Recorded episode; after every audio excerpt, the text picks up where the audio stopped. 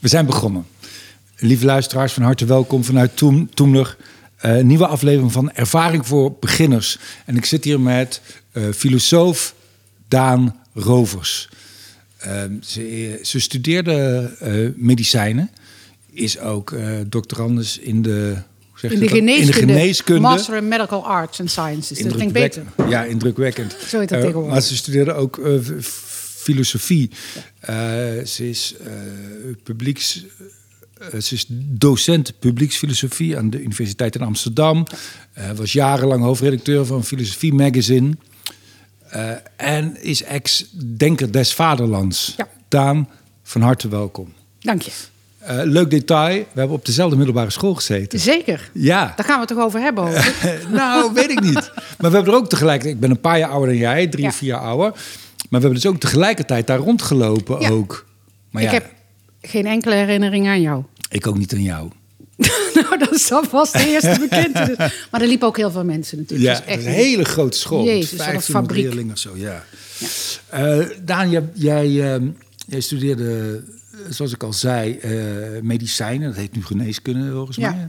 Um, dat vond je ook wel saai. Ja, heel je. Je ging een bijvak filosofie doen. Ja. En toen dacht je, maar dit vind ik interessant. Uh, alleen, uh, je, je, vertelde ook een beetje aan je ouders van... ja, maar ik ga het ook een beetje als hobby doen. oh, Maak je maar geen zorgen. Omdat mensen natuurlijk ook wisten dat er met filosofie is geen droog brood te verdienen. Ja. Ja, ik vroeg me af, want nu heb, verdien je wel degelijk uh, dro ja, droog brood. En beleg. Ja, belegd soms zelfs. wat denk je zelf wat de factoren zijn geweest... waardoor uh, het je gelukt is om daar geld mee te verdienen? Poeh, dat is een lange... Dat is een, een vraag die een lang antwoord heeft, denk We ik. We hebben alle tijd. En wees, wees onbescheiden ook, zou ik ja. zeggen. Nou, ten eerste ben ik gaan doen waar mijn hart lag. En ik heb iets gevonden wat ik kon, denk ik. Of ik heb binnen die filosofie iets gevonden wat ik kon en wat ik hmm. wilde. En waarvan ik dacht, daar gooi ik alles voor aan de kant. Dat is één. Het paste dus bij me. Het tweede is, denk ik, ik heb heel hard gewerkt. Um, dat is geen garantie voor succes, maar het, is wel, uh, het helpt wel. En het derde is, denk ik, ik ben de juiste mensen op het juiste moment tegengekomen. We hebben met een groep mensen iets nieuws gecreëerd, namelijk een soort arbeidsmarkt voor filosofen. Hmm. Eh, een, een, nieuw vak, publieksfilosofie. Het is leuk dat ik nu word aangekondigd als docent publieksfilosofie. Maar dat vak bestond helemaal niet toen ik filosofie ging studeren. Het woord bestond zelfs nog niet eens in het Nederlands. Ja. En uh, dat hebben we gewoon uit de grond getrokken met een groep mensen.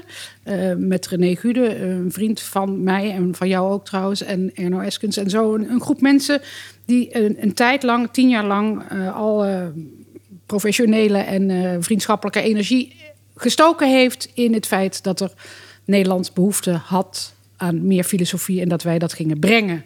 Nou, daar hebben we zo ongelooflijk veel uh, plezier uh, en energie aan besteed dat dat gewoon ook iets geworden was. En ik denk trouwens ook, ik denk dat we allemaal zagen, we kwamen alle drie van andere universiteiten, we kwamen alle drie op een andere manier aan op dezelfde plek uh, eind jaren 80, eind, eind, jaren 90, sorry, in Utrecht. En alle drie hadden we filosofie gestudeerd met het idee. Hier heb ik zelf zoveel plezier aan gehad. Dat moet de rest van de wereld ook weten. De rest van de hmm. wereld moet net zoveel plezier hebben als ik heb gehad aan het feit dat ik filosofie heb gestudeerd. Dat ga ik nu, was echt een soort missionaris bij. Mm.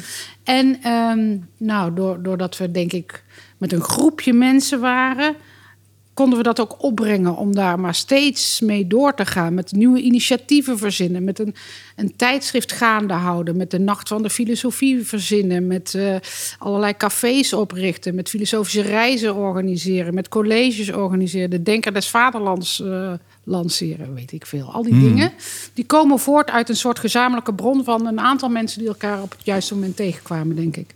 En wat is dat, want je zegt dat, dat je daar zoveel plezier aan beleeft. Wat, wat is het plezier?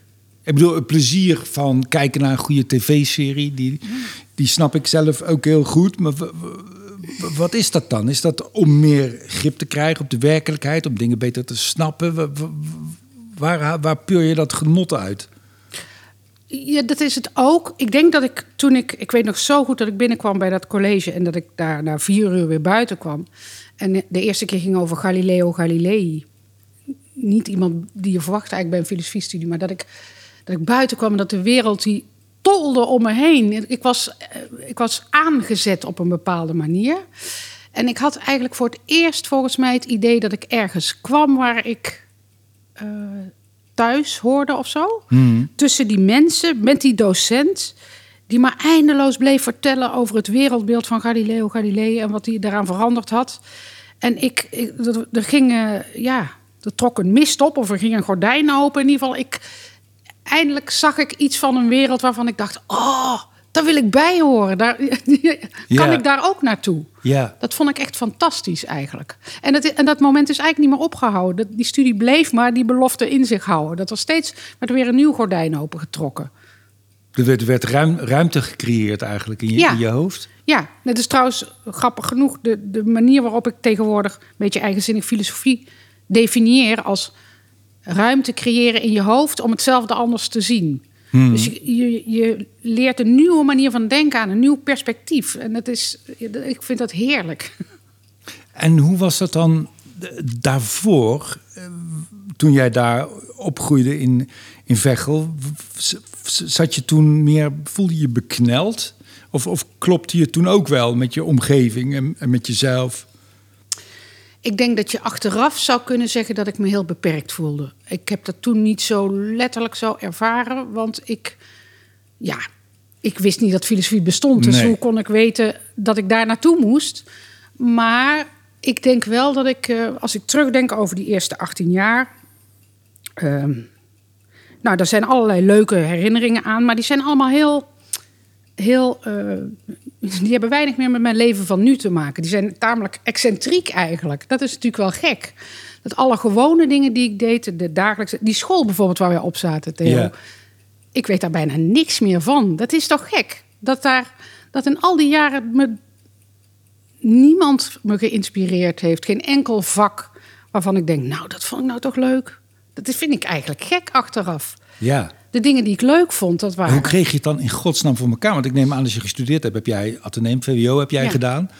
Hoe kreeg je dat dan voor? Ja, je had natuurlijk een B-pakket. Dan hoef je ook niet zoveel te doen. Dan moet je opletten in de klas. klas en dan. En dan Ja. snap je het of dan snap je het niet. Ja, en het was, ik was natuurlijk wel heel braaf. Kijk, ja, ik was gewoon een braaf meisje. Dus als ik iets moest doen, dan deed ik dat. Ja. En, en niet veel meer dan dat ook trouwens. En dat was ruimschoots voldoende eigenlijk. Ja. Ja. Want ik vond ik wel zo. echt op de middelbare school een paar dingen. Ik vond geschiedenis vond ik echt wel leuk. En Nederlands vond ik echt wel leuk. En, heel, veel, eigenlijk- en heel veel dingen ook, ook, ook niet. Maar die deed ik dan ook niet. Het enige vak waar ik, wat ik het leukst vond... Nou, wiskunde vond ik ook wel leuk. Maar eh, was levensbeschouwing. Dat had een aanwijzing moeten zijn natuurlijk, hè? Had ik dat had ik volgens mij helemaal niet. Was Jawel. dat- ja? Mevrouw Dekkers. Ja, die heb ik ook gehad. Ja, met die Ja, met die grijze natuurlijk. Met van die hele grote vrolijke Ja. ogen En, die. Ja. en daar mocht je altijd lekker discussiëren. Klopt. Over euthanasie of over abortus of over weet ik veel. Dan mocht je gewoon discussiëren. en daar had ik altijd een tien voor. Oh, wat, wat leuk. Nooit meer aan die- Ja. Ja, was een hele leuke vrouw. Ja. Ja. Ik weet niet of ze er nog is. Het zou Nee. zomaar kunnen van niet. Maar, Ja. nou, dat was, maar goed, ik kan ook weer niet zeggen dat ik daar nou zo ambitieus in was. Maar dat, nou ja, het feit dat dat me als eerste te binnen schiet... is toch wel tekenend natuurlijk. Ik vind ook, maar dat, dat vind ik sowieso aan die middelbare school, dat het zo raar is. Nou, bijvoorbeeld literatuur, dat, dat, dat wordt geschreven door dertigers, veertigers, vijftigers. En dat je als 17-jarige persoon zo, zo weinig overeen, ja, overeenstemt met die belevingswereld van die schrijvers. Ik vind Ja. de literatuur zo'n raar vak eigenlijk. Ik ben ook pas na mijn twintigste me daar echt voor gaan interesseren. Ja. Alleen een hoop kinderen zijn al op school verpest omdat ze dan van alles moeten leren. En denk je, ja, dat is, dat, is, dat is niks voor mij. Dat is best wel kloten. Ja, en maar trouwens, wat ik, wat ik me ook wel realiseer... is dat ik niet goed weet of ik een goed beeld heb van mezelf uit die tijd. Want wat mij wel overkomt nu, en dat zal jij ook wel hebben, denk ik... is als je af en toe in de krant staat, een Brabants Dagblad vooral... of op televisie komt, krijg je soms brieven van oud-leraren. Of Ja. leerlingen. Eh, Medeleerlingen. En die hebben dan een beeld van... en dat herken ik soms helemaal niet. Dus soms krijg ik zo'n beeld van... ah ja, mijn natuurkundeleraar schreef een keer van... oh, nu begrijp ik wat je altijd zat, waarom je altijd uit het raam zat te kijken. Maar iemand anders schreef weer van... oh ja, nu, nu herinner ik je weer die hele geïnteresseerde student. Ja, Nou, ik kan er geen, Ja. chocola van maken. hoor. Nee. Maar voor mijzelf, als ik iets over mijn jeugd vertel... ik kan daar twee uur over praten en het woord school komt er niet in voor. Dat, was, Ja. dat is echt een... Nou ja, weggezakt. daar trof je je vrienden en vriendinnen. Dat Ook was het. niet. Ook niet? Nee. Die had ik ook buiten school. Ik werkte in een bloemenwinkel. Daar waren vrienden. Ik zat bij een jongerenkoor. Daar waren andere vrienden. Maar op school bracht ik mijn tijd door. En at ik mijn boterhammen in de pauze, volgens mij. Ja. En toen ontdekte je filosofie. Toen, Ja. gingen, toen werden gordijnen Ja. opengeschoven. Toen kwamen er vergezichten. Ja. Ehm, want hoe, hoe, want dat, ik vind dat heel bijzonder en lief ook van jou... dat jij eigenlijk al vrij snel dacht van... ik wil dat meer mensen dit Ja. ervaren. En ik wil dat meer mensen... Ik kwam ook tegen dat je zei... van, ik wil dat meer mensen profiteren van het feit... dat ik filosofie Ja. gestudeerd heb.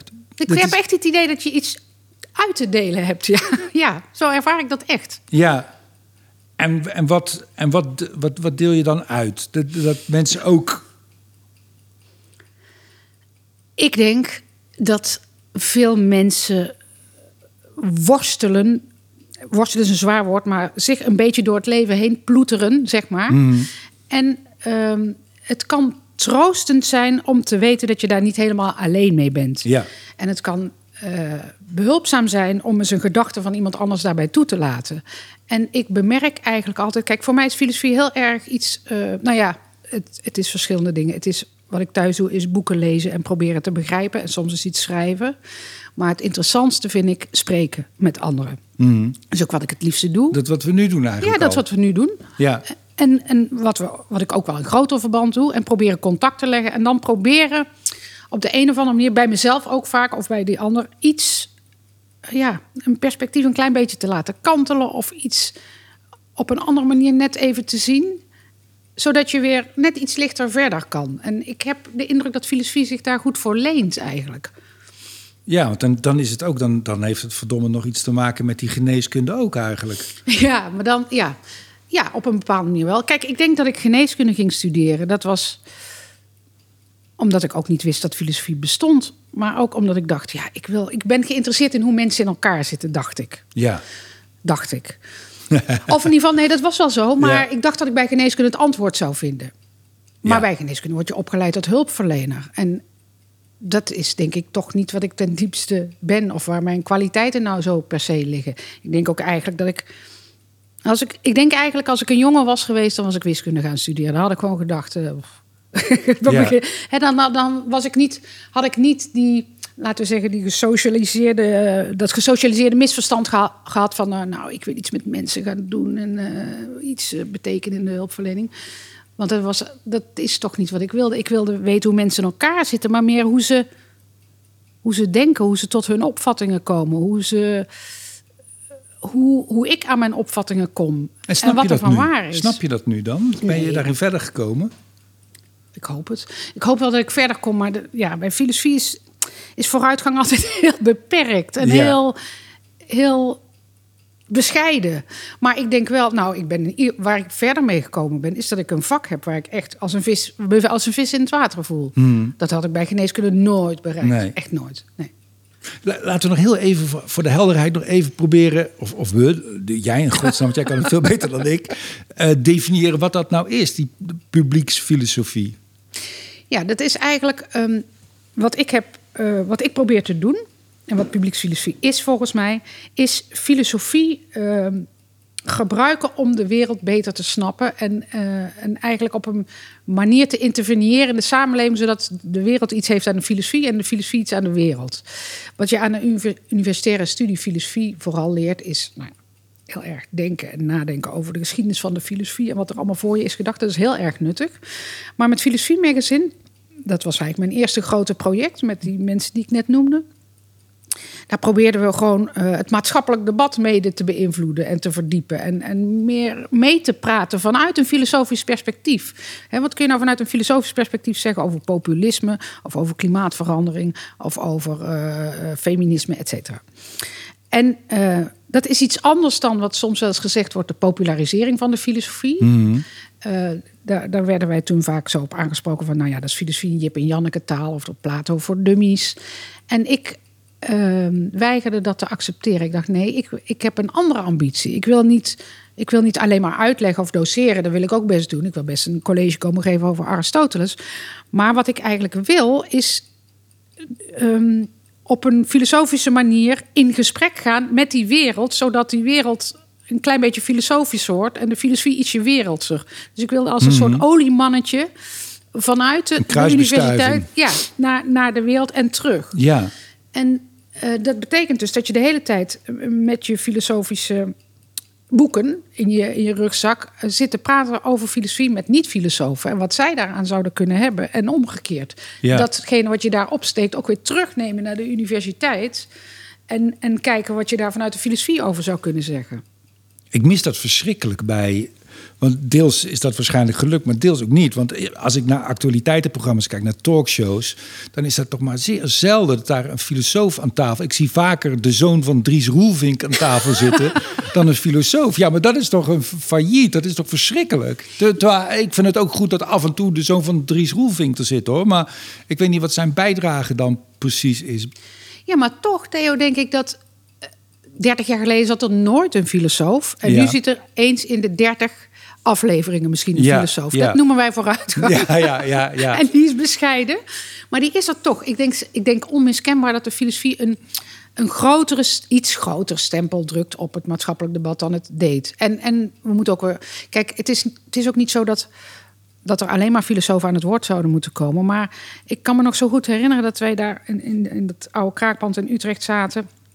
Met René en Erno en ik en nog een paar mensen. En dat waren de mensen van zeiden- Filosofie Magazine. ja, en Ja, dat we ja. zeiden van ja, maar je hebt toch ook zoiets als cultuur en toneel en zang en dans en muziek en, en, en wetenschap. Waarom heeft de filosofie daar geen plaats tussen? Hmm. Dan moeten we, we gaan ons daarin invechten. Ja, En ik vind toch dat de filosofie een beetje een eigen stem daarin gekregen heeft. Bescheiden, Ja, maar nog steeds bescheiden. Maar nu zou ik eigenlijk, ja, mijn ambitie is nu veel meer. Eh, ik richt me nu eigenlijk zelf in mijn werk en activiteiten eh, heel erg op politieke domein. Ja. En nu wil ik eigenlijk in die schil steeds meer eh, ja, reflectie en filosofisch inzicht inbouwen. Maar goed, ik ben in mijn eentje met eh, 30.000 ambtenaren. Heb ik nog wel even mijn handen vol aan natuurlijk. Dus dat Ja. is- gaat niet zomaar. Maar Ja, het is ook, en en wat dat betreft ook een ingewikkelde tijd volgens mij. Want ik, nou ja, wat ik over je lees, eh, eh, eh, wil je ook. Nou ja, dat vind ik heel mooi. Weet je, dat je ook over, als jij nadenkt over polarisatie of wat je daarover geschreven hebt, dat, dat, we, dat we nu in een tijd leven waarin. gepolariseerde meningen heel makkelijk aan het woord komen in bijvoorbeeld actualiteitenprogramma's. En dat er een heel, heel groot ondervertegenwoordigd midden zit. Wat, Ja. wat, wat heel sterk en heel krachtig, of heel groot is in ieder geval. Maar vaak ongehoord blijft. Ja. Dat lijkt me ook. eh, Ja, hoe, moet, hoe moet dat? Hoe moeten we dat doen? geduld, hè? Ged- Geduld is een eh, zeer onderschatte en weinig beoefende deugd volgens mij in onze Ja. tijd. Maar, dus je moet uithoudingsvermogen hebben. Dat is beter eigenlijk. Geduld Ja. is net alsof je op iets Moet zit te wachten wachten. en niks doet, Maar ja. uithoudingsvermogen is misschien beter. En steeds maar eh, op hetzelfde, in dezelfde plank blijven boren, denk ik. Onophoudelijk. En ook wel, kijk, ik haal mijn inspiratie niet alleen uit wat ik eh, in de krant lees of aan de talkshowtafels zie, gelukkig maar. Ehm, wat ik heel veel doe is. Nu is het met corona een beetje lastig, maar ik geef heel veel lezingen. Ik ga heel veel het land en ik ga overal spreken met mensen. En dat is enorm inspirerend, want dan kom je veel meer dat, laten we zeggen, ondervertegenwoordigde midden tegen. Eh, terwijl als je, ja, als je bij Buitenhof zit, wat ik heel erg leuk vind, dan, dan kom je natuurlijk veel meer eh, de mensen tegen die toch al aan het woord komen. Maar Ja. het is heel erg eh, leuk, vind ik, om gewoon ehm, meer met mensen zelf te spreken in plaats van erover. En ik denk dat dat nu we het toch even hadden over onze gezamenlijke afkomst, dat ik dat heb meegenomen uit mijn eh, achtergrond, denk ik.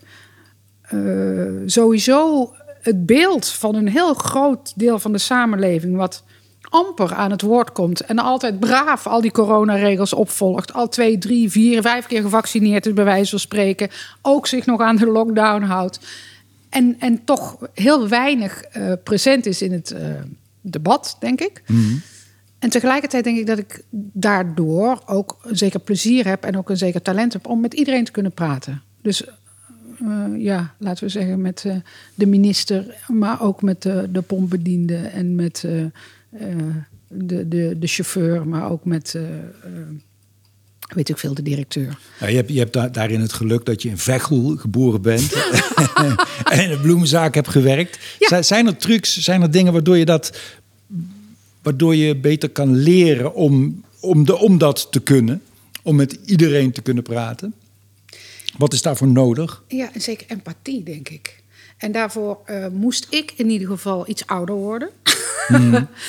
dat helpt. Hè? Dus als je een beetje die, die eerste drang hebt uitgezweet van ik heb ook iets te vertellen, ik ben ook bijzonder, luister nou eens naar mij en zo. Hè. Nou, dat moet er allemaal uit. En dan moet je op je 25e, 30e zo'n klein beetje een plekje veroverd hebben, idealiter. Mm. En dan uh, moet je denk ik proberen in te zien dat alle andere mensen om je heen, ja, dat is wel een beetje in hetzelfde schuitje zitten. Dat het een zekere, dat zou een zekere een zeker, je moet een zekere liefde voor de medemens ontwikkelen, denk ik. Dat heeft mij het meest geholpen in mijn werk als publieksfilosoof.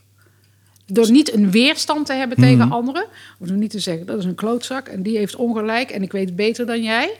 Maar door te, door te denken, goh, een interessant idee. Eens even kijken hoe ver we daarmee komen. Ja, een soort broederschap en zusterschap uh, ervaren met de medemens. Nou, of in ieder geval een soort primaire, uh, basale gelijkheid en, voor, en verwevenheid met anderen. Dat heb ik wel echt volgens mij. Ja, en ik denk, ik denk dat het bewustzijn dat, bedoel, als je een beetje uit je woorden kan komen, dat is ook, dan kun je ook makkelijker ventileren, ook ongenoegens. En die kun je dan nog eens genuanceerd verwoorden ook. Maar als je, dat, als je dat niet kan, ja, dan ga je al wat sneller harder praten of, of verongelijkt of, of, of schelden. Terwijl daaronder misschien wel diezelfde gevoelens zitten. Maar ik denk, het is wel aardig dat je dat zei, als je je een beetje goed kunt verwoorden. Want daar is filosofie misschien wel voor mij in ieder geval het meest uh, nuttig voor geweest. Om, om, om mezelf een soort taal aan te leren of een vocabulaire aan te leren wat mij vertrouwd was, wat ik herkende, waar ik mee vooruit kon, waarin ik mijn, uh, ja, mijn vragen en mijn, en mijn antwoorden ook trouwens kan formuleren uh, filosofie is natuurlijk heel talig en het heeft denk ik mijn, mijn taal en, en daarmee mijn denkkader enorm verruimd. Ja. Hmm. Dus dat, en misschien is dat wel hetgeen wat ik het meest toewens aan, aan anderen als ik bezig ben met publieksfilosofie. Een paar nieuwe begrippen. Dat doe ik, eh, als ik lezing geef, heb ik ook wel eens de ambitie van: Nou, we gaan, we gaan jullie nu drie nieuwe begrippen leren. Nou, veel plezier ermee. En wat is dan bijvoorbeeld zo'n begrip? Goh, wat, uh, meestal is het iets van Heidegger, want daar hebben de mensen nog nooit van gehoord. Heidegger. Heidegger. Ja, dat is dan niet een begrip wat ik verzonnen heb, maar bijvoorbeeld wat ik een heel mooi begrip vind van Heidegger is Seinsvergessenheid. Seinsvergessenheid. Ja, het is bijna altijd Duits. Daar moet ik wel ja. even excuus voor vragen, want filosofie is uh, in mijn geval vaak Duits. Seinsvergessenheid is dat je zo in de wereld staat dat je, dat je overal mee bezig bent, behalve met de essentie, namelijk je eigen bestaan. Hmm. Dat is. Dat is ehm, ik, ik, praat vaak uh, met mensen in politiek, maar ook wel met mensen in de gezondheidszorg, huisartsen, daar geef ik vaak uh, nascholing.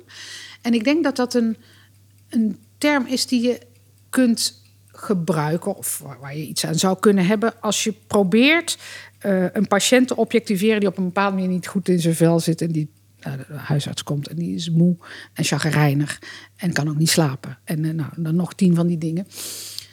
En dan kun je alles meten en wegen en bloeddruk en uh, gewicht. En, uh, en dat heb je dan allemaal in een schema. Maar de, en dat is misschien allemaal in orde, maar de essentie, ik voel me niet lekker, die staat nergens. Die vind je ook niet meer terug in zo'n schema.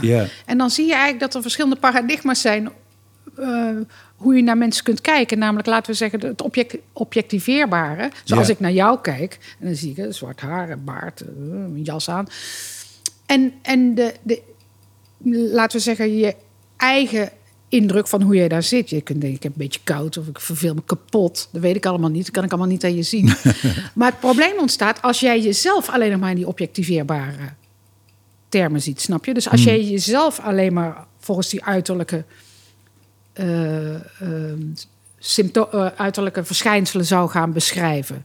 Als je dat kwijt zou raken, dus als je jezelf ziet in termen die een huisarts voor je op papier zet of die anderen aan je geven, ja. dan je, krijg je ja. zijnsvergessenheid. Ja, dat, dat een soort overidentificatie met dat soort cijfers en begrippen. Ja, en een soort jezelf beschrijven in een derde persoons perspectief. Alsof je waargenomen wordt door anderen.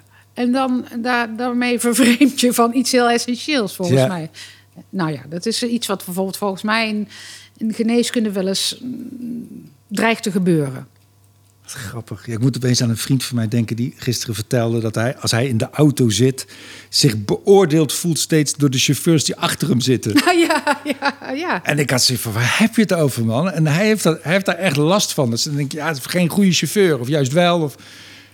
Heeft, heeft dat er iets mee te maken? Ja, dat denk ik. Maar dit is een, een vrij plompe manier van hetzelfde. Maar ik denk Ja. dat een meer verfijndere manier, die we natuurlijk ook allemaal kennen, is, zijn al die apps en al die metrieken die we voortdurend op onszelf toepassen met stappentellers. En, Ja, eh, ja. en die, die En iedere dag een rapport geven over Ja. hoe, hoe goed je het gedaan hebt. En dat ga je toch een beetje internaliseren. En denk, nou, ik heb een beetje, een beetje lui geweest deze week. Of eh, dat voel ik ook wel. Of nou, lekker bezig. Maar het zijn natuurlijk allemaal een beetje eh, ontleende eh, tekenen die eigenlijk niet zoveel zouden hoeven zeggen over je eigen stem. Rousseau zou zeggen, dat is het begin van de vervreemding en eh, daarmee het begin van alle kwaad. Maar, eh, dus als je vervreemd bent van je eigen maatstaf. Ja. Interessant. Ik moet ook denken aan een. Ja, het is heel, Ja. ik vind het echt heel interessant. Ik moet er gewoon even over nadenken ook. Van, er roept allemaal associaties bij me op. Die ik dan met je wil delen. Je hebt dat boek van eh, eh, Alice Miller, Drama van het begaafde Ja. kind. Dat heb ik ook in de kast staan. Ja, en dat gaat ook over, ook over vervreemding eigenlijk van jezelf. Dat is misschien weer iets anders. Maar dat, dat gaat over de vervreemding dat ja, je... dat je je door de ogen van je ouders ziet, toch? Ja, en dat je, dat je precies weet wat je, wat je moet doen om liefde te krijgen en Ja. dat gedrag gaat vertonen.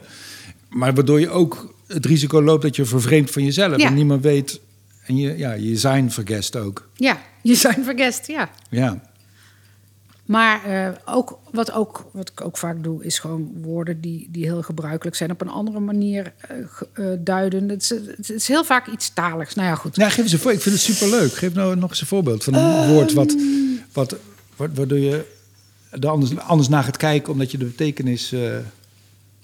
Goh, ik had eigenlijk een heel college moeten voorbereiden. Nou, bureaucratie bijvoorbeeld. Eh, maar dat is, jij hebt laatst met René ten Bos gesproken. Dat is eigenlijk meer zijn onderwerp. Maar bureaucratie is, staat natuurlijk nu in een heel kwaad daglicht. Omdat bureaucratie natuurlijk het, het, eh, eh, het regeren van de systemen over de individuen is. Zeg maar. de, de, Mhm. de- het gere- geregeerd worden door niemand. En ehm, ik zie heel goed wat de bezwaren zijn tegen het... het ontnemen van verantwoordelijkheden voor beslissingen door ze tussen twee bureaus in te leggen of door ze door een systeem te laten nemen. Tegelijkertijd merk je dat er nu een enorme eh, drang is in allerlei ehm, eh, ministeries om bureaucratie tegen te gaan en te gaan spreken over de menselijke maat. Maar het misverstand daarvan is dat, dat als je een organisatie hebt, bijvoorbeeld het UWV of de Belastingdienst, die, die miljoenen klanten heeft, als je helemaal niet eh, individuele volgens een menselijke maat kunt gaan behandelen, dat moet je ook helemaal niet willen. Bureaucratie is juist bedoeld als een soort, ja, een soort objectieve manier om dingen te organiseren zodat iedereen op een gelijke manier behandeld wordt. Zodat Ja. Theo Maassen en Daan Rovers dezelfde uitkering krijgen. In plaats van dat Theo Maassen iets meer krijgt, want iets harder praat. Ja. Ja. of omgekeerd. Ja. Dus bureaucratie is juist een anonimisering van de macht geweest en geworden en efficiënt ge- gemaakt om gelijke behandeling te, eh, te bevorderen. met de blinddoek van vrouw Justitia eigenlijk. Ja, om, en ja. dat heeft natuurlijk ook enorme voordelen. Dus ik, ehm, dus eh, tegen, eh, laten we zeggen, snelle modus van, oh, we moeten van de bureaucratie, of dat is, een, dat is een slecht woord, probeer ik te laten zien waar het vandaan komt en wat ook de winst daarvan is. En, maar ja, goed, het is natuurlijk sowieso. Nou, ik vind dat je dat ook heel mooi doet in je boekje over, over vrijheid van meningsuiting. Oh ja, ja. Vind ik ook hele fijne nuanceringen. Ja. En je gebruikt dan dat hele mooie verhaaltje dat jouw zoontje aan jou vraagt van mama, eh, vrijheid, met vrijheid van meningsuiting, dan mag je toch alles, alles zeggen. Hè? En Ja, mag ik toen- van Spinoza alles zeggen? vroeg hij nog, ja. ja, toen zei jij zo een beetje twijfelend, ja. En toen zei hij, nou, dan zeg ik, kut. Ja, En jouw conclusie uiteindelijk is, ja, maar kut is geen mening. nee. Want daar moest ik nog behoorlijk hard over nadenken Ja. om, om weerwoord te bieden aan die zesjarige. Maar eh, ja, ik vond wel dat die vrij snel... eh, kinderen zijn vrij snel in staat om zwakke plekken in de argumentatie bloot te Ja. leggen. Wat zijn andere... Heb, heb jij een top drie van favoriete filosofen? Oh, ja, maar die wisselt. Die wisselt, denk ik. Wat is die vandaag? Aristoteles, denk ik, op één. Die schiet met eerste binnen, dus mag die dan maar op één? Ja, het is jammer dat je al de eerste verklapt. Ik zou liever van drie naar oh, één werken. Maar staat. Aristoteles op drie.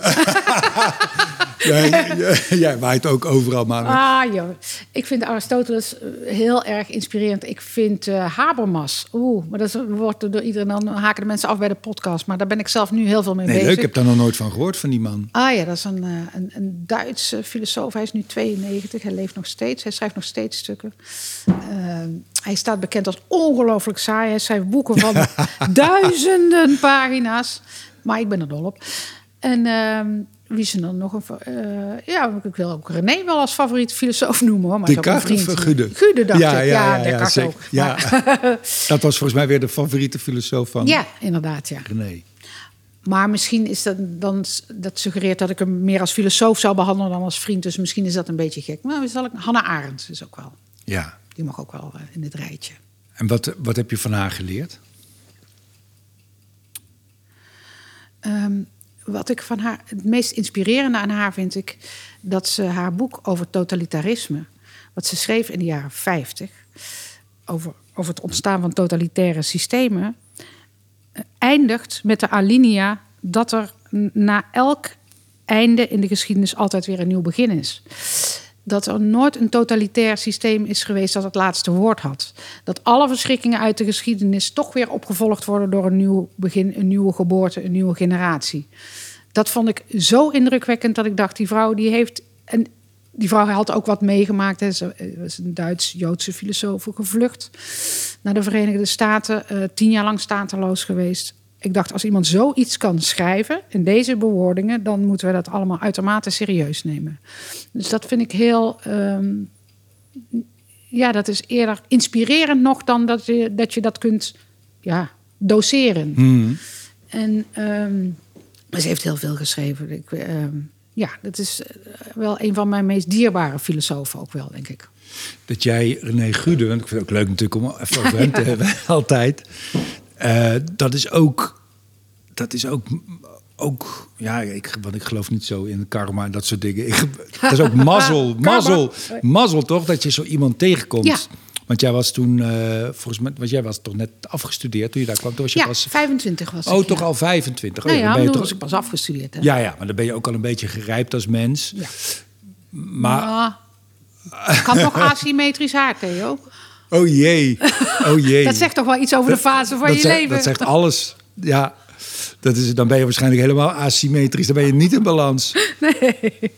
Maar dat gun je ook iedereen, toch? Om een, ik Ja, weet niet of hij ook echt zeker. een mentor is voor jou, voor jou geweest. Misschien is dat too ja, much. ook. Nee, ja, het is eigenlijk te weinig. Het Hmm. is niet te, te Nou, eh, kijk, ehm, René was ook mijn beste vriend. En een mentor suggereert een beetje een soort leerling-leraar verhouding die. die de- het, is, het beschrijft te weinig de, de, de diepe vriendschap die er was, laat ik het zo zeggen. Tegelijkertijd kwam ik, ik kwam bij Filosofie Magazine toen ik 25 was. Ik ging naar stage lopen. Eh, ik heb wel een neus, moet ik zeggen, ontwikkeld. En dat gun ik ook iedereen. Om te, om te weten, hier moet ik zijn. En daarvoor moet je naar heel veel plekken toe natuurlijk. Maar ik Ja. had daarvoor stage gelopen in Israël. Daar dacht ik, hier moet ik niet zijn. En toen kwam ik bij Filosofie Magazine en ik dacht, hier moet ik zijn. Dit zijn deze mensen, daar, daar moet ik tussen komen. Ja. Hoe dan ook. Ja. Dan maar een jaar voor niks werken. Afijn. En daar kwam ik onder andere René Nou ja, tegen. maar dat is wel belangrijk wat je zegt. Dat dan maar een jaar voor niks werken. Want dat is soms nodig Ja, voor een ik, ja. investering. Of voor, ja, investering klinkt ook alweer te bedacht. Maar voor, voor daar te komen waar je, waar, je, waar je moet zijn. Ik wist dat ik, ik, merkte aan alles dat ik dacht: oh, deze mensen, daar heb ik iets, daar kan, daar wil ik mee verder. En ehm, daar kwam ik dus onder andere René tegen. En, dat, gun en je. dat, en dat, sorry, dat, maar dat is dan energie. Dat is dan, wat, wat is dat? ja, wat is dat ja? Ja, Net als bij die studie filosofie, dat je denkt: dit is voor mij. Ik kan hier, hier. Ik denk dat ik al die, al, al die jaren op die saaie middelbare school wel het idee had dat ik iets wilde zeggen, iets wilde vertellen aan de wereld, iets te doen had, ook wel iets zou kunnen. Mhm. Ik had echt wel het idee dat ik iets kon, maar ik had geen idee wat. Ja, Behalve bloemschikken. dat kon ik ook, maar, maar niet zo goed. Maar ehm, En dat ik dacht, dit is mijn podium of zo. Dit is mijn plek. Ja, je voel, het had echt ook iets met thuiskomen te maken en met verder komen. Ja. En ik voelde me ook enorm op mijn gemak tussen die mensen. En als je dan mensen tegenkomt, en want zij waren natuurlijk verder dan ik was 25, René was 38, die had een, een, een mislukt proefschrift achter zich gelaten. En eh, nog wat heel veel mislukte baantjes. En, eh, ehm, en die ging advertenties verkopen, die stelde toen, toen ook niks voor, maar die was wel eh, mentaal eh, vijf stappen verder. En zo hebben we toen met een team ehm, iets voor elkaar gekregen wat je dat moet je maar gegeven zijn, inderdaad. Dat, is, dat is een soort van karma of mazzel. Hè? Met de juiste mensen op het juiste moment. eh, Zo'n momentum creëren waarin je ook iets voor elkaar krijgt wat je ambieert. Want ik heb, daar hebben we natuurlijk heel veel geluk mee gehad. Ja, maar het is ook niet alleen maar geluk. Het is denk ik ook een aantal keer, nee, je zei net zelf al, een aantal keren zeggen van, oh, dit is niet mijn plek. En ook Ja, ergens weg moet je dan durven ook- gaan. ja. Want dat is natuurlijk soms ook heel moeilijk, ook voor jonge mensen of, en ook voor ZZP'ers, is, is soms om nee te zeggen. Omdat, je, omdat iets betaald is, of Ja. omdat, iets, eh, omdat je sowieso geen nee wil zeggen. Of omdat je, dat is ook een kunst. Ja, dat durfde ik ook niet hoor. Dus ik heb, daarom heb ik die medicijnstudie ook afgemaakt. Daardoor moest ik dan net iets harder werken. Ja. Omdat ik geen, ik durfde niet te zeggen, jongens, ik ga geen medi, ik, ik, ik word filosoof. Dat durfde ik echt niet. Ik dacht, ik word dokter en daarbij heb ik dan een studie filosofie op zak. Wie weet, kan ik daar ooit nog wat mee? Wie weet, kan ik dan later in de medische ethiek nog een proefschrift schrijven? En is dat dan naar jezelf toe? Of is dat bijvoorbeeld naar je, naar je ouders toe? Dat je denkt, nee, ik kan dat niet maken? Of weet je dat Nee, zelf? Ja, allebei, denk ik. Ja. Maar ook wel naar mezelf. Ik durfde Ja. het zelf ook niet. Ik, durfde het, ik, ik zag het ook niet zitten, die filosofie, als een beroep. Ik, ik zag het voor me. Ik dacht, oh, maar er was nog niks. We moesten dat nog ontwikkelen. Dus ik heb heel lang... had ik ook meerdere baantjes naast Filosofie Magazine. Ja, iedereen toen, want we werden amper betaald. Konden onszelf daar niet van bedruipen. Maar ik zag... Maar het is meer dat je jezelf toestaat een tijd... een, een langere tijd dan misschien een jaar of twee jaar... om rond te kijken van waar, waar hoor ik thuis? Of waar vind ik mijn stem? Waar vind Ja. ik mijn plek? Bestemming. Ja. Bestemming, ja. Maar het is toch... Ik denk dat heel veel mensen dit wel herkennen als het gaat om partnerkeuze bijvoorbeeld. Dan moet je, daar, daarvoor geldt in zekere zin hetzelfde. Heb je ook heel veel, heel veel geprobeerd? dan? Eh, Ja, oh, vroeger heb ik gehoord zo in, in de, konterijen van Vechel. Ja, dat is niet waar, Theo. Nee, joh, ik Dat zit was er. heel braaf toen. Maar toen ben ik ook gaan studeren. Maar dan word je verliefd. goed. Daar is verliefdheid een beetje voor, toch? Ja, maar dat, ik denk dat is leuk dat je dat zegt, want dat. Ja. Iets daarvan had ik toch bij die studie filosofie en bij toen ik bij Filosofie Magazine binnenkwam. Ja, Ja. op een andere manier natuurlijk, Ja. maar wel het idee, ja, dit is het. Ja. En dat ik ook meteen bij binnenkomst wist. En dat, en dat heb je. En daarvoor, ja, nee, ik denk dat dat. Ken je dat niet? Zeker, ja. Nee, ja, nee, Ik zeker. mezelf te twijfelen. Nee, maar- ik had dat ook toen ik op een theateropleiding kwam. Toen had ik ook geen idee, want ik kwam ook helemaal niet ook met vrienden of uit een milieu op school. Ik heb nooit iets Nee. aan toneel gedaan. En toen kwam ik ook op die plek. Nou, maar ik En- zat op het cabaret op het Zwijze, Theo. Dat was er wel. Ja, Maar ik het denk- was van het niveau dat ik bij Ik die wilde club daar niks mee te maken hebben. Ik vond het gênant allemaal. En ik had het ook toen ik op het theateropleiding kwam. denk oh, ik, ik was ook al eens daar ook een soort vreemde eend in de buik. Maar ik denk, ik vind dit wel tof. Hoe mensen om- met elkaar, dat mensen elkaar knuffelden. En we- Ja. ook die omgangsvormen en zo. Ik vond het, ik vond het, ik vond het, eh, ik vond het wel wat. Ja, En dat had ik ook toen ik voor het eerst op het podium stond als, Ja. met- als eh, comedian, als cabaretier. Denk ik, ja, dit is, oh, dit is iets voor mij. Dit is, als ik zo mijn geld kan verdienen. Dus maar hoe kun je dat nou aan anderen overdragen? Dat is natuurlijk heel lastig. Ja, dat is. Nou ja, ik heb wel eens. Ik heb wel eens. Ik weet niet of ik dit al eens verteld heb. Ik heb wel eens. Met, toen was ik gecast voor een serie. En toen ging ik. eh gingen we repeteren. En, en er waren alleen maar acteurs van toneelgroep Amsterdam en van eh, uit Gent, die groep. Alleen maar van die Marieke Hebingen, al van die ontzettend goede acteurs. En ik, ik was nog niet zo lang eigenlijk als dramadocent en cabaretier was ik van die school af. En Die, die konden dat allemaal goed. En ik heb echt met mijn telefoon in mijn handen gestaan om af te bellen na die repetitie. Ik denk, ja joh, ik wilde die regisseur. Vraag iemand die dat echt goed kan, joh. Wat moet je met mij? En ik heb een aantal van die nummers ingetoetst van zijn, van zijn telefoonnummer. Ja, ja, ja. En uiteindelijk dacht ik, nee, fuck it man, ik ga het gewoon doen. Als hij het niet ziet zitten, dan moet hij dat maar zeggen. Ja. En opgehangen. En dat heb ik prima gedaan. En daarna eh, kwamen er ook allemaal andere dingen. En superleuk met films en series en zo. Het is ook, ja, nou ja, het is ook het toch proberen en het toch doen. Ja. En ook het risico durven lopen dat het mislukt. Een beetje brutaliteit, Ja. soms een beetje zelfvertrouwen faken. Of Ja, soms, soms ja zeggen, soms nee durven zeggen. Ja, Nou, modderig gedoe eigenlijk. Hè? ja, nou ja, ja, bereid zijn. Maar ja, dat is het ook. En soms dus bereid zijn om vieze kleren te krijgen dan. Door, Ja. door dat modderige gedoe. En ook, ik, her- ik herinner me toen ik net Denker des Vaderlands was, toen mocht ik een praatje geven op. Toen zat mijn eh, jongste nog op de lagere school, groep 8 of zo. En eh, toen mocht ik daar een praatje geven voor de kinderen van de klas. En, eh, en er was één meisje, was heel schattig. die zei, "Oh, Ik eh, heb een vraag. Ik wil ook Denker des Vaderlands worden laten. Hoe doe ik dat? Ja. en toen, dat vond ik zo'n leuke vraag. Want ja, ik, ik had hem op mijn, eh, op mijn twaalfde niet kunnen stellen. En toen zei ik tegen haar, ik zei ja, Zij was twaalf ongeveer. Ja. Ja, geweldig. En, en ik dacht, eigenlijk het belangrijkste wat ik en een aantal mensen om me heen gedaan hebben, is, is die, datgene wat we wilden worden.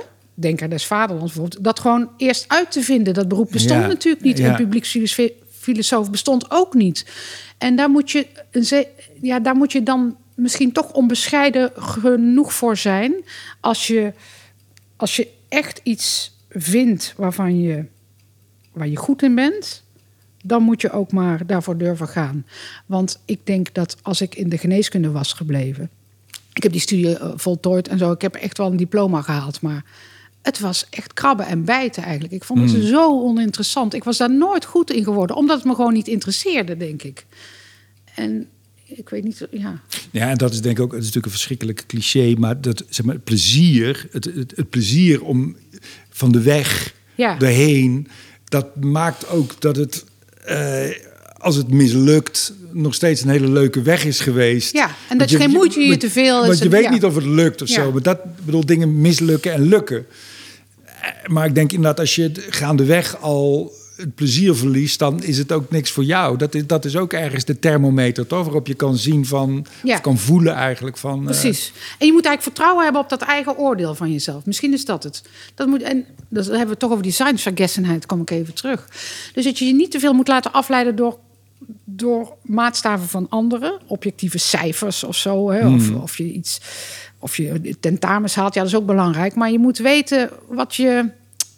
Ja, waar je van aangaat. Waar, waar, je, waar je hart ligt. Waar je, Ja. waar je stem ligt. Ja, en dat is, dat is ook een super moeilijke balansoefening, omdat je ook tegelijkertijd eh, open moet staan voor feedback van, van, van Ja. andere mensen.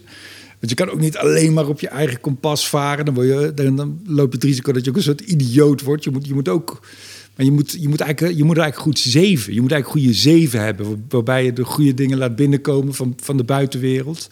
Ja. En tegelijkertijd een sterke motor blijft hebben om, om voor, voor, vooruit te gaan op dat, op dat modderige pad. Ja, en veel willen leren, inderdaad. Ja. Want ik, ik geef nu bijvoorbeeld, ik zat vanochtend eh, mijn eh, eh, essays na te kijken van mijn studenten aan de Universiteit van Amsterdam. En dat vind ik heel leuk. Ik leer die studenten, filosofie, leer ik publieksgerichte essays schrijven. Dus gewoon een stuk voor de krant. En een van de leukste dingen daaraan is, eh, nou, dat kunnen ze over het algemeen niet zo goed nog, want ze, weten wel iets van filosofie, maar ze, ze schrijven al slecht Nederlands, omdat ze alles in het Engels lezen. Maar ze kunnen ook hun kennis moeilijk vertalen naar een breed publiek. En wat ik zo leuk vind aan die studenten om dat te leren, is dat ik echt kan aantonen aan ze dat dat, dat een kwestie is van hard werken en oefenen en dat iedereen het kan leren. En dat toon ik dan altijd maar aan door te vertellen dat ik zelf daar ook totaal geen aanleg voor had en dat ik echt niet kon tijdens mijn studie. En dat je gewoon voor sommige dingen ook gewoon eh, uren moet maken, vlieguren. Dat je bereid moet zijn om daar heel hard aan te werken. En, en eh, weet ik veel, eh 150 stukken te schrijven. En dan op een gegeven moment gaat het vanzelf. Dus je moet een beetje misschien als je jezelf kent, eh, enigszins je, je talenten overzien en denken: deze dingen kan ik zelf wel en daar kan ik vrij makkelijk iets mee doen. En deze dingen moet ik echt ontwikkelen. Dan moet ik dan potverdorie hard voor oefenen ook. Maar dat kan natuurlijk niet. Iedere cabaretier kan zingen of piano spelen. Dat moet je dan leren of niet. Of, Maar niet naar mijn eigen wijze meteen. nou, er zit verder niemand anders naast je. Ja. En heb je, je maakt, ik, ik ben- ik ken je natuurlijk helemaal niet zo heel goed, ehm, maar je maakt ook een ontzettende op, opgeruimde indruk. Heb jij in je, in je echte dagelijkse leven, heb, heb je dan niet zo'n filosofie? Als je, als je problemen hebt met je man en gezeik met je kinderen en, of met familie of zo, heb, je- heb, heb je dan iets aan filosofie? Een beetje, een beetje, een beetje.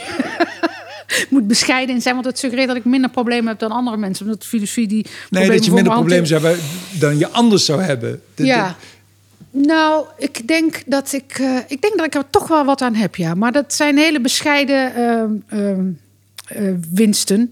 Ik denk dat ik een beetje geleerd heb om eh, dingen in proportie te zien, om een oordeel een beetje uit te stellen, om niet onmiddellijk andere visies af te wijzen. Ik denk dat ik daar iets meer in geoefend heb. En ik denk, nou, misschien is wel het beste voorbeeld. Kijk, opvoeden, dat is eigenlijk het mo- moeilijkste in mijn leven. Ehm, en het is natuurlijk niet zo. Ik heb heel veel boeken over opvoeding gelezen van filosofen. Want er was dus een project, eh, eentje geschreven. Kijk, daar heb ik natuurlijk in zekere zin niks aan. Want want ik moet mijn kinderen opvoeden en Rousseau gaat het niet voor me doen. En toch heb ik er wat aan gehad om, om al die ideeën tot me te nemen. Al is het maar omdat je gerustgesteld wordt over bepaalde dingen. Of al is het maar omdat je op een nieuwe manier naar, naar dingen kijkt. Bijvoorbeeld, eh, nou bij Rousseau bijvoorbeeld, eh, die, die heeft een boek over opvoeding geschreven... wat mij op een bepaalde manier helemaal niet aanstaat. Hè. Dat gaat over het opvoeden van een kind alleen in het bos. En ik woon midden in Amsterdam. En dat heeft niet zoveel met elkaar te maken. Maar wat Rousseau zegt is eigenlijk hoe ga je om met hoe laat je een kind groot worden? Wat moet je het wel leren, wat moet je het niet leren? En Rousseau zegt eigenlijk je hoeft een kind niks te leren, leert alles uit zichzelf. Je moet zorgen dat de omgeving zo is dat het kind zichzelf de dingen kan leren. En wat je ondertussen moet doen is tijd doorbrengen met het kind. Dat is alles. Tijd doorbrengen, tijd kapot slaan. En dat is precies wat wij moeilijk, wat ik moeilijk vind. Het liefst geef ik kinderen heel educatieve dingen en dan ga ik zelf ook aan het werk. En breng ik geen tijd door. Ja. Maar wat nu toevallig, we, we, we hebben nu een paar dagen eh, met z'n drieën, ik en de kinderen, want mijn man is een paar dagen weg, die is op vakantie. En we hebben ook nog, wij hebben ook vrij, dus wij zeggen wij hebben ook vakantie. We zitten thuis vakantie te hebben. Hebben we eerlijk waar vier dagen lang bijna alleen maar gekaart. Ja. Met z'n drieën. Over, Nou, over Veghel gesproken. over ja? Veghel gesproken, heel Brabants.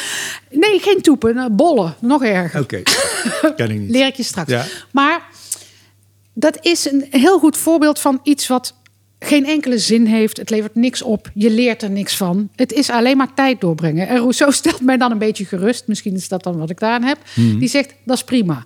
En, en wiskunde leren ze op school of niet. En lopen leren ze vanzelf. En fietsen kunnen ze al. En het gaat erom om erbij in de buurt te blijven. En niet om alles zo eh, instrumenteel mogelijk... of zo, zo zinvol mogelijk in te richten. En dat heb ik, dat heb ik dankzij Rousseau, hoop ik... probeer ik dat een klein beetje af te leren. Dat elk moment dat je samen bent met je kind... dat dat zin heeft, dat je ergens over praat... dat je het vakkenpakket uitgeeft, dat je huiswerk overhoort. Dat doe ik ook allemaal wel. Maar in de vakantie gaan we gewoon kaarten. Ja. Ja. Ja, ja, mooi. Ja, ik denk dat het heel erg waar is. Mooi gezegd over dat samen tijd doorbrengen.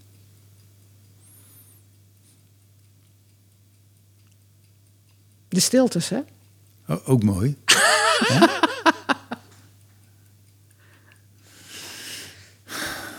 Ja, ik zit even te denken.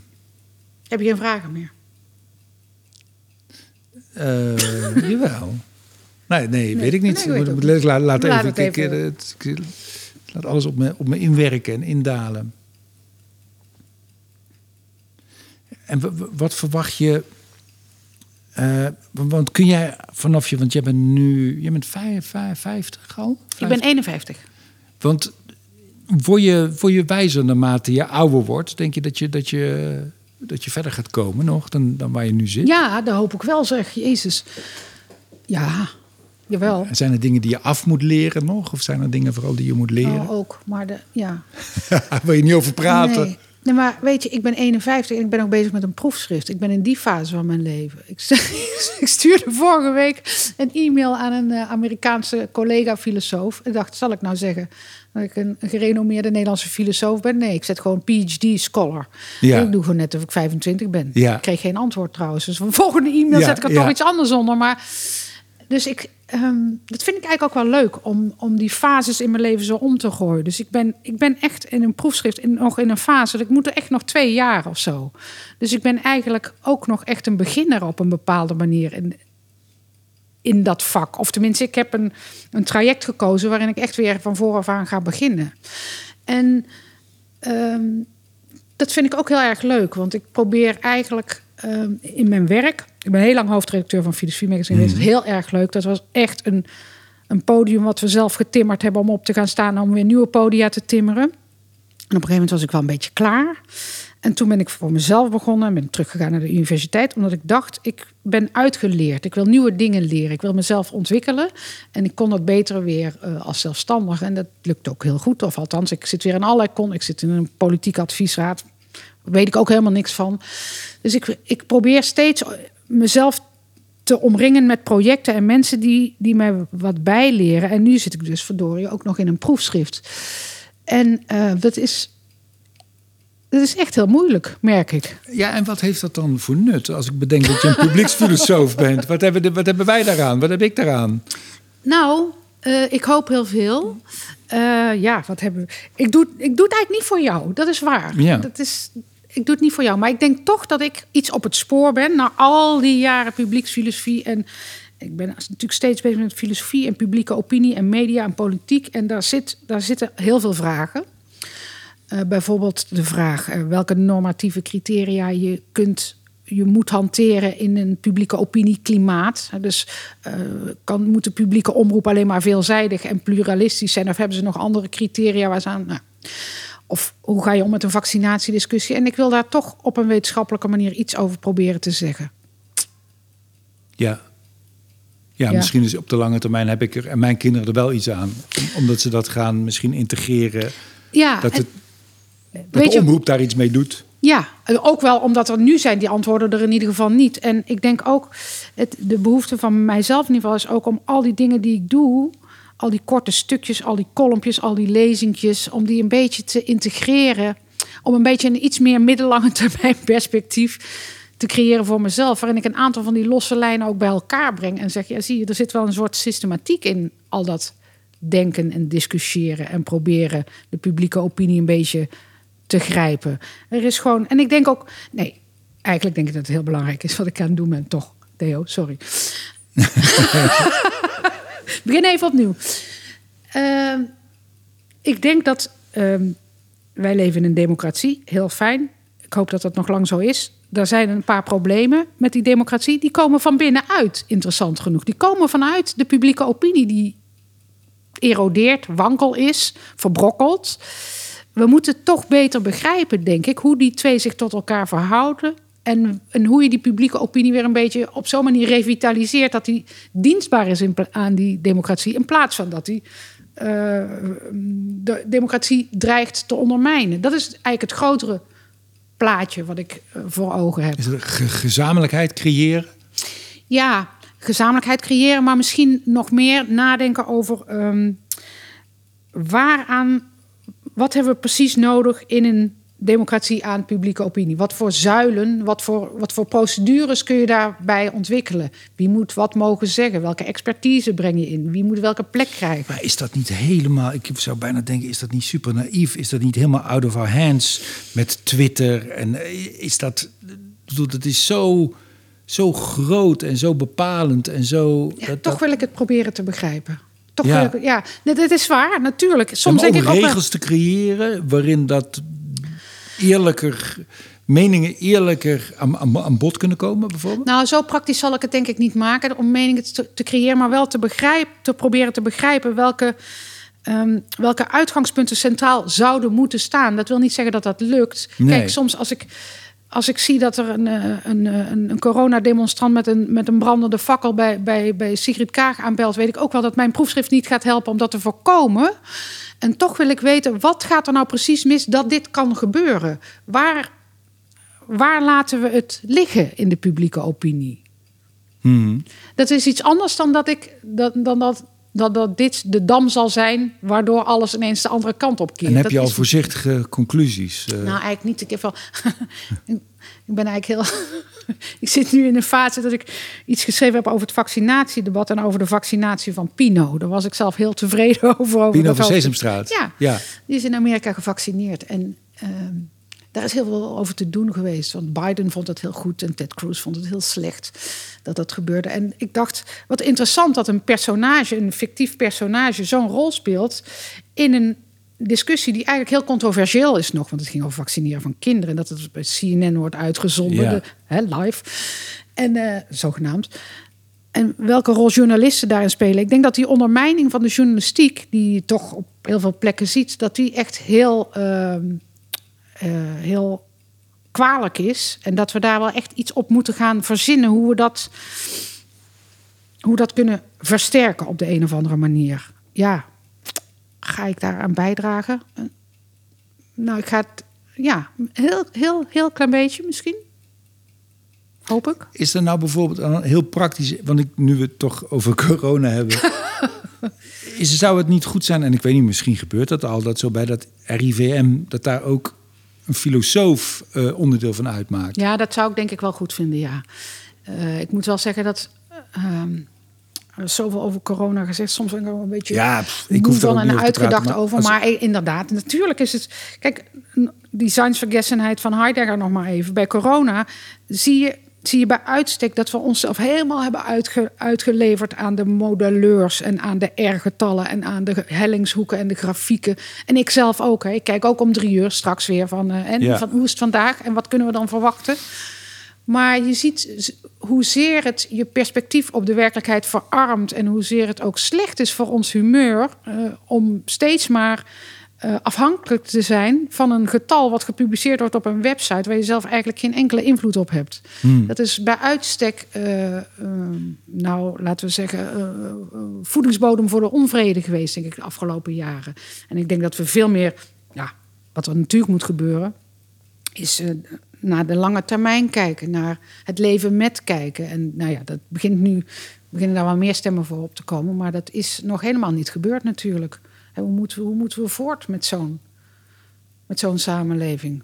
Waarin echt de, de, de kloof tussen mensen die in wetenschap vertrouwen hebben en mensen die dat niet hebben, dat maak ik me eigenlijk het meest zorgen over. Ja. En, en de korte termijn oplossing, paniekvoetbal de hele Ja. tijd, waardoor er nooit rust is. Ja.